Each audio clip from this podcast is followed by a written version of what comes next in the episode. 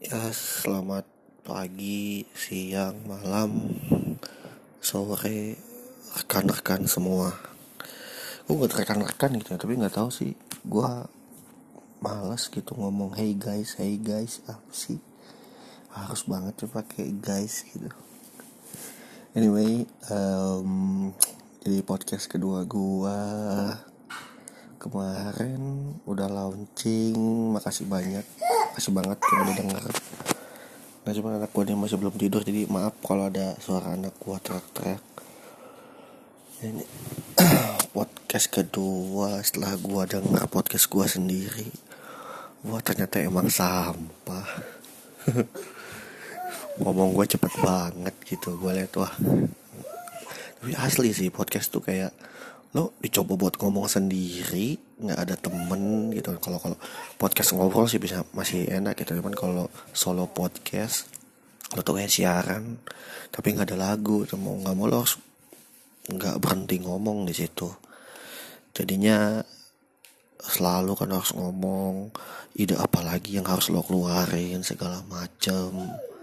Jadi setelah gua denger podcast gua sendiri akhirnya gua ya menemukan beberapa kekurangan di podcast gua ya.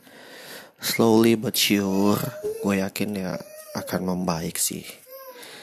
But anyway thanks yang udah dengar semuanya yang mau ngabisin waktunya waktu berharganya buat dengerin podcast gue.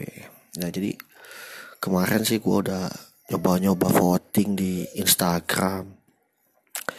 Tema apa sih yang mau gue bahas nanti cuman gue udah pilih ada LGBT sama bully ya. Cuman yang lebih banyak sih bully ya. Ya terkait kasus kemarin nih rame-rame apa Chef Audrey Chef Audrey yang ternyata akhirnya kalian semua dibohongi oleh si Audi kampret itu.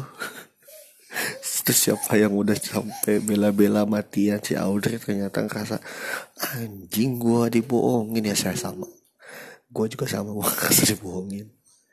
Ya itulah kadang-kadang kita yang manusia yang nggak uh, suka hilaf. Kadang bukan bukan hilaf sih sebenarnya kayak kita peduli sih sama Audrey sama kasusnya dia. Karena kan istilahnya ya mungkin di beberapa di antara kita pernah dibully ngerasain dibully nggak enak. Makanya setelah kita dengar kasus Audrey dibully terus orang-orang banyak banget yang simpati gitu orang-orang banyak yang simpati akhirnya. Terus yang kemudian akhirnya simpatinya itu berujung hoaxnya dari Audrey sendiri gitu. Ya itulah. Akhirnya gue sadar satu hal. Kenapa kita perlu banget sih yang namanya melihat dari berbagai sisi gitu loh. Jangan cuma dari sisi yang dibully tapi kenapa ini kenapa bisa dibully sih gitu. Terus alasannya kenapa sih dia bisa di, memperlakukan orang lain sekejam itu atau alasannya apa sih? Makanya gue selalu sih untuk uh, lihat nih dari macam-macam sisi bukan cuma dua sisi kalau bisa tiga sisi empat sisi lima sampai sepuluh sisi itu misalnya point of view orang lain tuh gimana sih?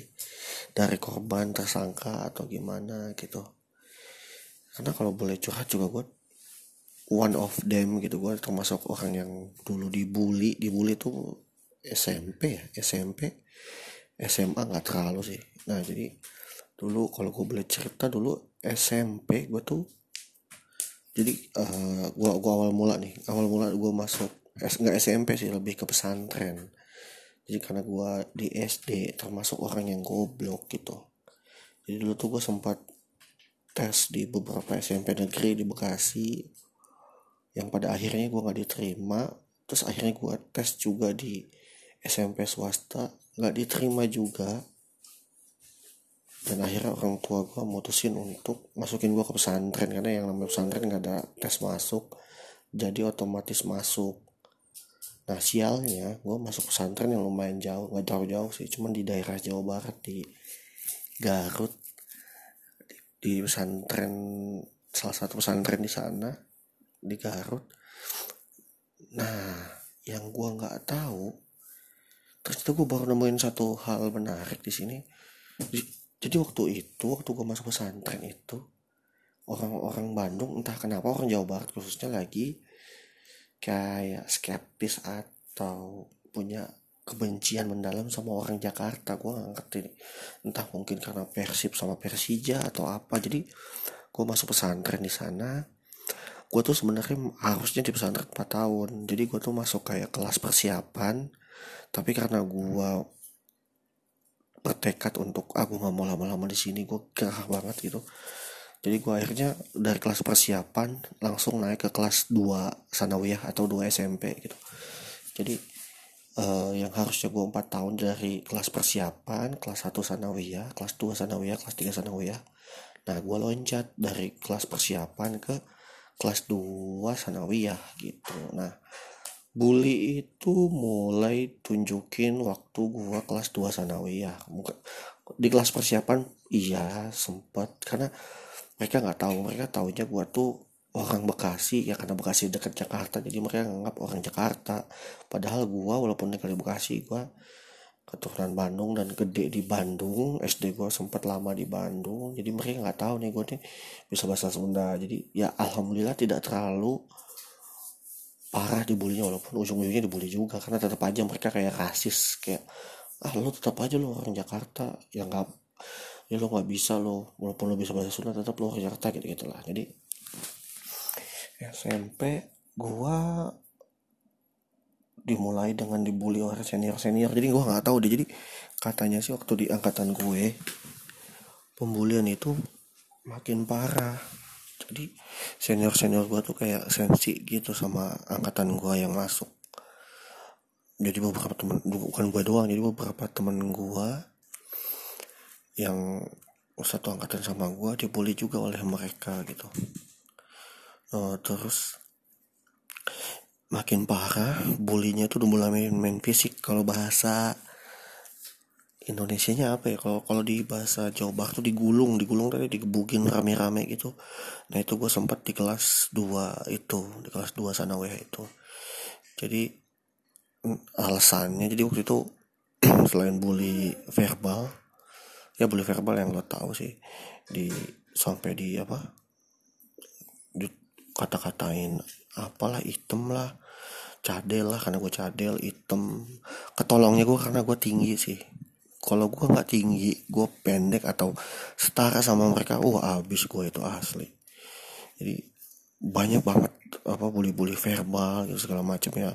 Lo tau sendiri kita jauh dari orang tua. Jadi nah gue juga kita uh, ini masa pendapat gue ini pesantren sebenarnya gunanya buat apa sih? Maksudnya orang yang bikin ide pertama kali pesantren tuh kenapa sih maksud gue ini pesantren kan orang-orang bandel semua ya. Istilahnya hampir semua orang bandel atau istilahnya orang yang dibilang bandel terus akhirnya dimasukin pesantren dengan niat kalau dia keluar dari pesantren dia orang baik. Yang asal lo tahu faktanya nggak semua orang jadi baik. Masih kampretnya masih ada bangsatnya masih ada jadi lo bayangin aja tuh orang kampret orang bangsat orang bandel dijadiin satu tem di tempatin di satu sem di satu tempat mereka berkumpul. Lu bayangin kayak gimana jadinya. Nah itu yang gue rasain. Wah dari bully pesantren tuh parah sih kalau kata jadi kayak dari mulai baju dijarah makanan lo dijarah sama senior lo terus walaupun lemari lo udah digembok udah dikunci tapi dijebol sama mereka pasti tuh. Di belakang dijebol. Wah pokoknya macam-macam deh. Cuman kalau masih bully verbal gue masih kayak santai sih. Gue kayak ah ya udahlah ngapain gue nggak musingin gitu maksudnya nggak terlalu. Ya walaupun kepikiran kadang-kadang minder atau apa cuman kadang-kadang gue kayak nggak musingin bully verbal sih. Kalau yang yang parah udah bully fisik entah ya kalau gue cek bully fisik bukan bully sih kalau fisik itu. Jatuhnya kekerasan itu. Udah kekerasan bukan bully lagi. Kalau setahu gue bully itu secara verbal aja gitu. Cuman ya kalau koreksi gue sih kalau gue salah. Nah jadi gue dibully tuh sampai digulung gara-gara gue dikebukin sama senior gue tuh gara-gara entah gue katanya gue sih gue dibilang nggak sopan sama sama senior gue gue tuh nggak sopan sama mereka. Katanya gue tuh songong lagu apa. Terus jadi suatu malam gue dipanggil dari asrama gue ke asramanya senior gue dari situ dipanggil pas tuh dipanggil tiba-tiba dari belakang tuh kayak ada yang ngebuk pakai kayu. Jadi kayunya tuh kan kayak kayu dari ranjang sih kayak kayu kayu dari ranjang jadi ranjangnya dijebolin diambil kayunya nah itu dipukul ke arah kepala belakang gua dipukul ceter. Gua kegeletak langsung dipukulin di situ dipukulin pakai kitab gede tebel gitu. Dipukulin segala macem. Wah itu parah sih sampai wah gua ngerti itu berapa lama. Cuman gua yang gua ingat satu hal sih waktu itu teman gua bilang kalau misal lo dipukulin biar lo nggak kesel-kesel amat katanya lo incer salah satu di antara pembuli itu yang paling lemah siapa gitu. Udah, udah selesai belum? yang paling lemah siapa? Jadi, jadi kalau misalkan lo dibully cari yang paling lemah siapa nanti lo balas pukul di situ. Nah akhirnya gue pilih salah satu di antara mereka yang paling pendek sih. Jadi ada kembar itu tuh orang kembar pendek gitu. Entah siapanya yang gue pukul kakaknya apa adenya itu gue pukul gue habisin juga gitu. Gue, balas pukulan mereka gue arahin ke si salah satu kembaran itu. Wah telah berapa lama? Akhirnya salah satu si kembarannya itu ada yang kegeletak gue masih dipukulin terus. Ya udah tuh mereka akhirnya berhenti karena ngeliat yang salah satu di ini. Pas berhenti gue coba kabur. Akhirnya gue berhasil kabur karena mereka kan nggak mungkin gebukin di luar asrama kan. Jadi gebukinnya tuh di dalam asrama doang. Ya udah tuh. Gue kembali ke asrama gue dengan keadaan bonyok tuh. Malam-malam sekitar jam setengah satu. Gue tidur di asrama nah besokannya mulai rame lagi tuh mereka kayaknya pengen balas dendam. Jadi ya singkat cerita terjadilah sedikit peperangan antara senior sama junior gue di pesantren itu. Jadi yang gue kira gue doang yang dipukulin. Jadi pas besokannya di sekolah muka pada bengap-bengap teman-teman gue pada nanya lo kenapa? Dia bilang gue ya gue dipukulin semalam sama senior si ini ini ini, ini. Oh gila lu juga dipukulin gue juga. Ah, akhirnya pada nyaut di situ pada bersuara gitu. Kalau ternyata mereka juga dipukulin ternyata mereka juga menerima kekerasan fisik dari seniornya gitu. Dan satu angkatan sama senior yang mukulin gua. Jadi ya udah tuh jadi rame. Wah pokoknya gua nggak ngerti istilahnya itu kalau kalau kalau bisa dibilang parah sih. Jadi temen gua diculikin. Gua gua berhasil nggak diculik karena waktu itu gua berlindung sama senior di atas mereka. Jadi senior yang udah kelas 2 SMA atau 3 SMA gitu gua ngelindung sama mereka. Terus ya intinya di sini yang gua lihat sih beruntungnya gua teman-teman seangkatan gua tuh aware gitu sama bully ini.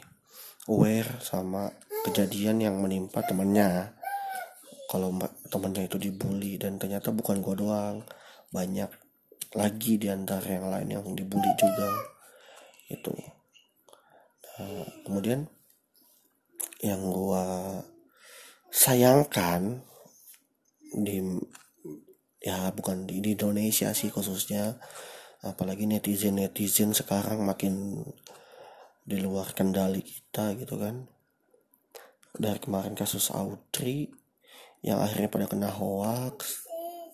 Yang akhirnya sekarang malah ngebully si Audrey juga. Audrey dibully lagi gitu. Maksud gue ya gak bisa habis gitu. Kalau misalkan lo dibully secara verbal secara fisik tolong kalau bisa lo cerita gitu sama orang terdekat entah orang tua lo atau teman-teman lo kerabat dekat lo sebisa mungkin minta tolong sama mereka. Jangan diem sih. Maksudnya jangan jangan mendem diri sendiri. Memang mungkin gue tahu beberapa orang nggak bisa cerita masalah mereka ke orang lain gitu. Jadi yang gue harapin sih lo cerita sama orang-orang terdekat lo yang bisa lo percaya gitu. Lo coba cerita ke mereka apa yang lo rasain kenapa. Nah tapi ketika uh, lo lo yang dimintain tolong sama teman lo yang dibully tolong jangan dibully balik. Karena kalau lo bully balik ya sama aja kayak darah dibalas dengan darah gitu. Maksud gue jadi kayak yang gak akan ada habis-habisnya bakal terus-terusan berlanjut. Ya kayak kemarin kasus gue di pesantren itu gue dibully pada akhirnya teman-teman gue ngebales bully senior gue jadi istilah malah jadi perang gitu jadi perang angkat antar angkatan eh yang gue lihat tuh sekarang malah kayak gitu. Lo dibully terus akhirnya lo setuju. Ya kemarin kasus jadi kalau kita lihat contohnya di kasus Audrey. Audrey bilang kan dibully. Kita nggak tahu nih si Audrey ternyata nipu kan. Nah gue inget banget tuh tuh netizen rame-rame ngebully si pembuli. Yang ngapain gitu loh lo ngebully si pembuli buat apa gitu loh lo sampai jebarin aib keluarganya katanya kalau keluarganya gini gini gini gini keluarganya pejabat atau apa eh ternyata hoax kan. Akhirnya ya malu sendiri gitu kitanya. Ya lu nggak bisa men ngelawan jahat ketemu jahat tuh nggak akan nggak akan beres urusan gitu loh. Lu bully sama bully nggak akan beres urusan. Jadi harus gimana? Diskusi lah musyawarah gitu loh.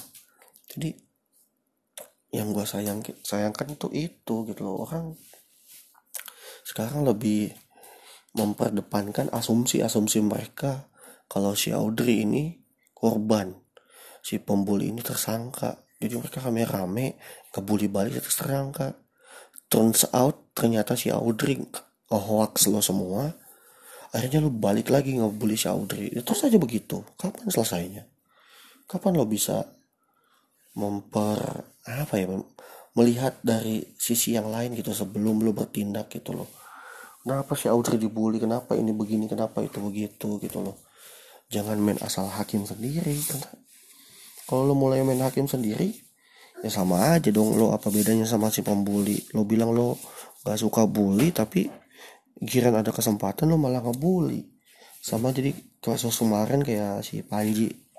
Bang Panji kemarin gue udah sempat yang gue bahas kemarin di podcast gue masalah kucing itu kemarin gue udah nonton uh, konfirmasi antara Garda Satwa Indonesia dan Bang Panji sendiri selaku istilahnya dibilang Garda Satwa itu selaku pelaku uh, yang membuat ricuh istilah gitu. Aku lihat di sini Bang Panji dengan kelegaan hati mau diskusi dengan Garda Satwa Indonesia dan para pecinta kucing gitu. Cuman yang gue notice di sini adalah adanya tindakan yang sepihak di Garda pada di sisi Garda Satwa maksud gua Garda Satwa sebelum mengajak Panji ngobrol udah melayangkan kayak surat terbuka segala macem yang menimbulkan keributan lainnya gitu. Maksud gue jadi akhirnya di situ Bang Panji cerita gara-gara surat terbuka itu Bang Panji dan keluarganya dibully oleh para pecinta kucing lo bayangin. Yang mereka bilang ya gara-gara lo tersinggung. Kagak sorry anak gua tuh biasa. Rese emang belum tidur jam segini. Udah udah malam ini lumayan nih. Jadi bang Paji di situ katanya dibully sama netizen netizen. Netizen netizen pecinta kucing. Dibilang anaknya idiot atau apa tuh sempat katanya. Nah yang itu yang gue sayangkan. Kenapa lo itulah maksud gue yang yang jadi masalah ketika lo tersinggung lo mengedepankan asumsi dan perasaan lo. Kalau lo nggak suka sama orang ya jangan bully lo ajak diskusi. Terus baru banget tadi gue lihat nonton uh, podcastnya si Raditya uh, Raditya Dika. Dia bilang kalau lo nggak setuju atau tidak suka lo ajak ngobrol. Yang orang yang nggak lo suka kenapa sih lo berbuat sesuatu itu? Alasannya apa? Gitu. Lo tanya dulu lo konfirmasi dulu. Jangan main lo bully sepihak lo bully orang yang lo pikir dia tuh sudah membuli lo atau membuat lo resah karena mungkin ucapannya atau apa. Ya itu jadi istilahnya malah makin jadi yang jahat lo berdua kan. Yang satu ngebully yang satu balas ngebully lagi sama-sama nih. Semuanya jadi balas-balasan gitu kan kalau lo udah tahu oh, orang yang nggak suka yang gue bilang tadi ya kalau nggak suka lebih baik lo menghindar atau lo udah ya udah gak usah bertindak kayak membuli atau apalah segala macem. Jadi balas ngebully udah lu udah menghindar aja kalau lo nggak suka ngapain lu ladenin lagi? Terus yang yang menarik lagi si bang Radit bilang kalau lo jadi istilah analoginya kalau dari kasusnya bang Panji ini yang berujung ujung-ujungnya jadi bang Panji yang dibully sama cat lover. Jadi bilang kalau lo misalkan contoh jadi pada lebay gitu. Contohnya kata bang Radit lo parkir mobil di Alfamart di, di supermarket. Tiba-tiba di belakang mobil lo ada orang parkir motor lo nggak suka sama orang yang parkir motor di belakang mobil lo. Karena ngalangin jalan lo susah keluar. Yang harus lo lakukan adalah lo ngomong sama si pemilik motor Bang tolong pindahin motornya saya mau keluar. Udah cukup itu aja dong. Nah kalau ini kan nggak beda. Kalau di kasus si Bang Panji Banyak cat lover yang uh, Istilahnya tersinggung lalu mengungkit. Jadi kalau di asumsi di uh, analoginya Bang Radit itu Si orang yang nggak suka sama Orang yang parkir motor di belakang mobilnya ini Dia bilang Lo ngapain parkir mobil di belakang mobil gue? Lu nggak tahu gue sudah capek nyetir kena macet kena tilang ini bla bla bla bla bla. Lu nggak punya otak. Lu dongo apa gimana ngalangin jalan ini malah jadi rame kan? Malah jadi ribut. Nah itu ya maksud gue jadi kalau lo nggak suka atau lo dibully korban bully lo minta tolong sama temen lo ya tolong kalian jangan balas ngebully si pembuli. Ajak ngobrol. Ajak diskusi. Kenapa? Kenapa sih lo bisa bully gue? Emang ada yang salah di gue? Tolong lo kasih tahu ke gue siapa tahu gue bisa koreksi diri gue sendiri. Gue bisa memperbaiki apa yang menurut lo nggak suka. Kemungkinan orang lain juga nggak suka. Jadi kan enak ya kalau kayak gitu maksud gue nggak usah lo sampai ikut bully juga. Jadinya nggak selesai selesai urusannya. Bully aja terus. Gitu loh. Nah kalau saran gue sebagai korban bully terus uh, ketika buat teman-teman misalkan yang dibully di luar sana nih ketika lo dibully yang harus lo lakukan adalah anggap bully itu sebagai kritik aja sih. Maksudnya bukan kritik kayak lo melihat sisi lain dari orang dibully. Contoh gue dibully. Dulu gue dibully gue hitam gue cadel. Memang gue hitam memang gue cadel dulu gue sempat marah apa sih anjing? Rasis banget lo ngomong hitam hitam ini segala macem lah. Cadel gini gini tapi pada akhirnya gue sadar oh emang gue hitam emang gue cadel ya udah mau gimana? Akhirnya gue membuat jokes hitam dan cadel itu kepada si pembuli gue yang ujungnya si pembuli gue malah malas bully gue ya karena gue kalau dibully malah jadi bahan candaan gitu loh. Maksudnya gue mau candain misalnya gue bilang eh tem apaan? Gue malah santai gitu kagak kagak kagak marah kagak apa gitu. Nah terus jadi maksud gue kalau lo dibully lu harusnya ini loh apa istilahnya? Kuat gitu loh jangan merenung jangan mengiakan pembuli lo. Kalau lo semakin takut kalau lo semakin diem si bully malah seneng.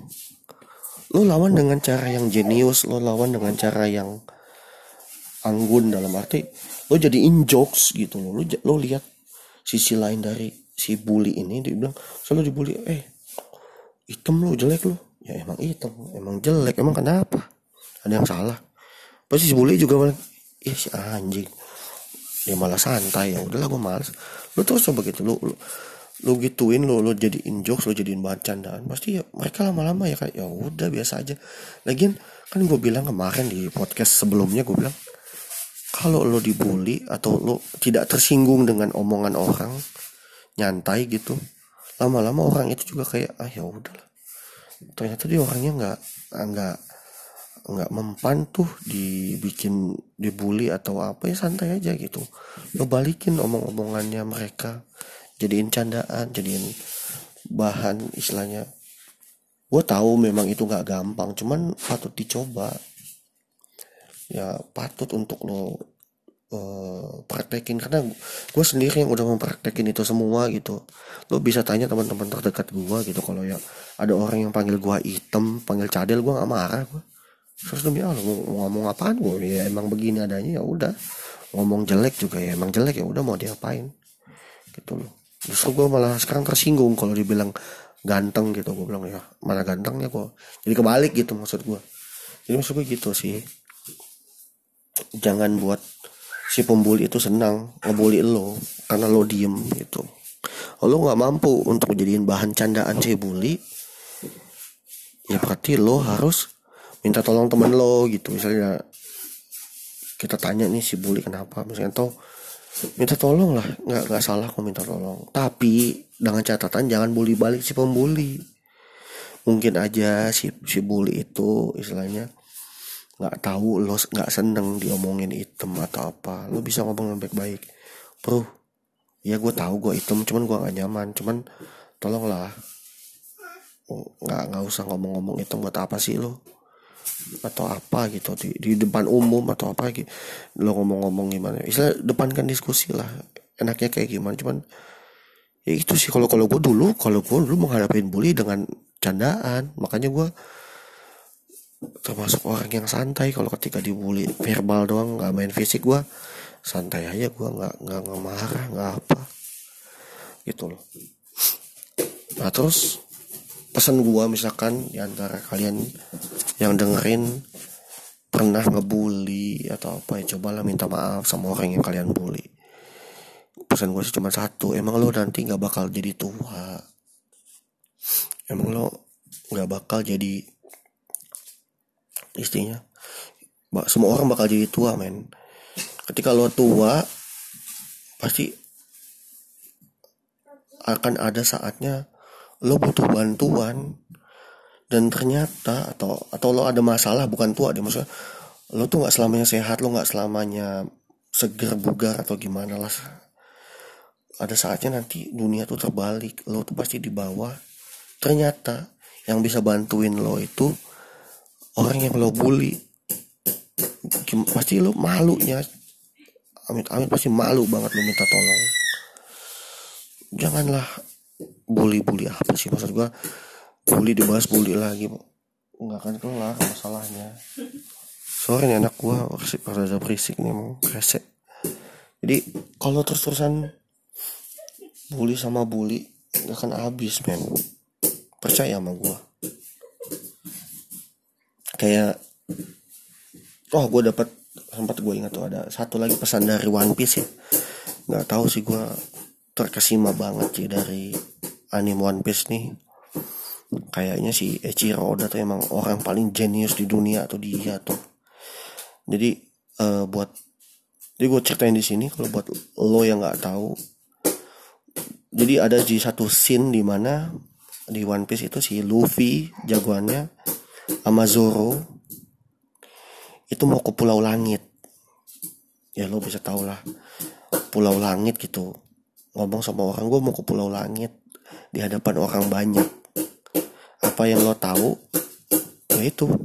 Mereka dibully habis-habisan. Bahkan kalau di animenya itu mereka sampai dipukul kalau nggak salah. Dilempar gelas sampai palanya berdarah. Dilemparin apa. Padahal mereka cuma nanya gue mau? Si Luffy nanya gue mau ke Pulau Langit ke mana ya? Apa? Kalau mau ke sana tuh gimana caranya mereka dibully gua, mereka ditendang mereka dihajar. Mereka cuma di aja kayak lo oh gila lu mau ke pulau langit. Mau ngapain lu? Wah oh, banyak lah istilahnya banyak orang kayak gitu. Luffy sama Zoro cuman diem dan nggak balas mereka cuman kayak oh ya udah. Akhirnya mereka keluar dari bar kan itu di bar kondisinya kayak tempat-tempat minum gitu. Akhirnya mereka keluar nah ada satu krunya si Nami bilang lo kenapa nggak ngelawan? Terus kata Luffy buat apa gue ngelawan? Ini kan gue lagi nanya omong impian gue maksudnya gue nanya pulau langit tapi gue dibully. Ya buat apa gue juga? Tapi lo sampai dilempar gelas segala macem. Ya terus kalau lempar gelas kenapa? Gue bilang ya udah lagian juga gue nggak ngerasa sakit kok gue santai aja. Terus Luffy nanya ke Zoro Zoro emang sakit? Enggak bisa aja. Nah, akhirnya gue di situ lihat even lo sampai dibully fisik kalau lo nanggapnya santai ya mungkin kita nggak bisa seperti itu kayak kayak si Luffy atau itu kan cuman anim. Iya gue tahu anim. Maksudnya Hei, tunggu bentar anak gue nih.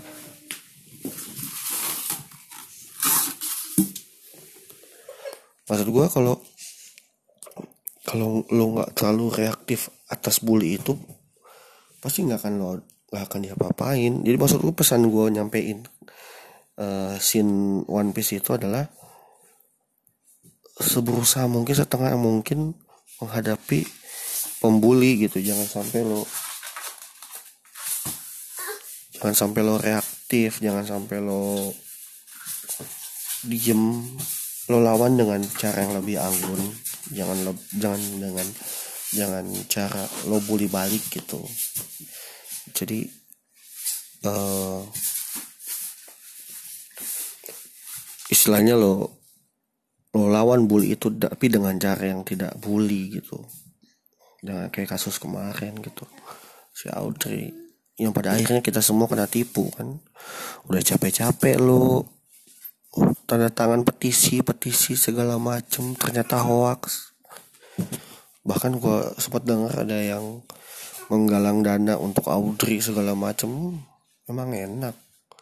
Kan gue bilang gue juga termasuk yang kena hoax. Untungnya gue nggak sampai lebay nyebarin foto keluarganya katanya bapaknya pejabat yang ternyata bukan pejabat segala macem. Ya itulah maksud gue lihat situasi itu dengan kepala jernih gitu loh. Dengan santai. Jangan lo jangan lo hadapi dengan reaktif yang berlebihan gitu. Bahkan sampai lo ngebully si pembuli. Dan ternyata si pembulinya kan ngebully si Audrey gara-gara dia ngehina ibunya. Kalau masalah ibunya udah meninggal. Dan katanya juga si Audrey ini emang orangnya ngeselin gitu. Jadi istilahnya si Audrey itu dulu malah yang ngebully si pembuli. Nah si pembuli balas nah balasnya juga dengan cara yang tidak layak sih maksud gua. Akhirnya ya ngeliat sendiri kan kejadiannya kayak gimana. Itu maksud gua jangan lo balas dengan cara keras yang bahkan jadi kriminal gitu loh. Jadi harusnya lo bahasa Audrey dengan cara yang elegan atau apalah. Jadi yang ngerugiin malah si pembuli ini yang asalnya si pembuli ini adalah korban dari si Audrey katanya. Gitu nah, mungkin itu aja kali ya dari gue soalnya anak gue juga masih belum tidur jadi berisik. Sorry banget. Ya gue bakal ini gue bakal terus konsisten sih upload podcast gue tiap Kamis. Jadi ya mohon maaf kalau banyak suara-suara yang gak enak dari anak gua terutama. Jadi pesan gue sih cuma satu kalau lo dibully cobalah jadikan bully itu sebagai jokes. Kalau gue ya kalau gue karena gue dulu gitu. Atau kalau lo nggak bisa begitu lo minta tolong semua orang terdekat lo keluarga lo teman-teman lo yang yang lo percaya ajak si pembuli ini lo diskus diskus, diskus gitu atau atau apalah ya lo lo pasti tau lah ada satu cara yang tidak harus dengan bully atau apa gitu lo dengan dengan lo share gitu kan mungkin nanti banyak ide-ide dari teman lo misalkan entah lo kita lihat background si pembuli kenapa bully lo atau apa atau apa. Atau mungkin yang gue bilang tadi maaf maaf gitu. Atau mungkin si pembuli ngebully lo emang karena lo ngaselin gitu. Karena orang kan nggak tahu kalau dia ternyata oh gue tuh ternyata ngeselin lah ya ya mungkin jadi suatu titik balik buat lo buat ngerubah sikap lo gitu. Maksud gue jangan melulu melihat pandangan kalau lo sebagai korban tapi kita lihat sisi-sisi lain gitu yang biar lo lebih bijaksana lebih wise buat ngadepin masalah bully ini sih. Jadi kalau kalau gue lihat sih emang yang namanya masalah bully-bully ini tuh nggak akan habis. Makanya yang gue selalu se apa selalu uh, kasih tahu kalau semua benteng paling baik itu ya dalam diri lo sendiri. Reaksi terhadap keadaan sekitar tuh lo sendiri yang nentuin gitu loh ketika lo tidak reaktif tidak atau bah kalau lebih bagus lagi positif reaction gitu. Lo reaksi positif yang lo keluarkan setelah lo menerima hujatan atau apa malah lebih baik kan turns out lo lebih baik. Bahkan satu fakta yang menarik yang gue lihat di sini rata-rata pembuli itu nggak jadi apa-apa men kalau dia lo bisa lihat lah mungkin teman-teman lo ya kita kita yang dulu pernah dibully bukan sombong gitu maksudnya we are better than them gitu loh. Kita kita lebih baik dari mereka. Lalu apa kita harus balas mereka? Tidak. Ya udah biarkan saja. Kalau lo nggak bisa nolong ya udah nggak usah balas, diamin aja.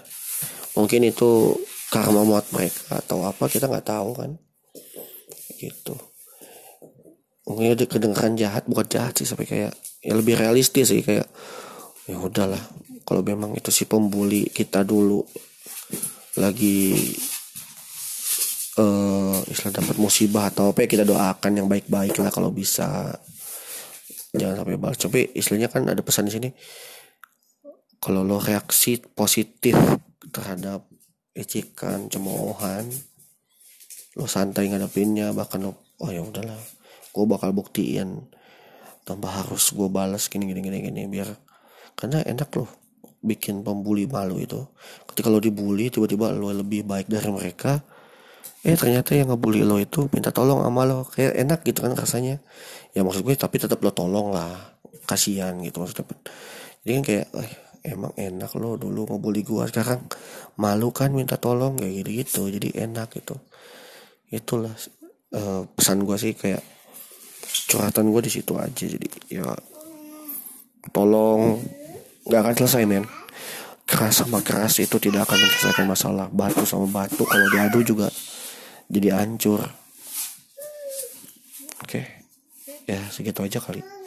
Maaf kalau suaranya kurang jelas karena suara anak gua.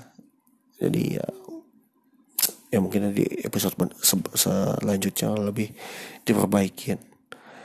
Ya jadi yang lo tahu gue udah buat email khusus buat podcast ini. Kalau ada mau nanya-nanya atau saran kritik gue welcome banget. Bisa lihat di deskripsi podcast gue.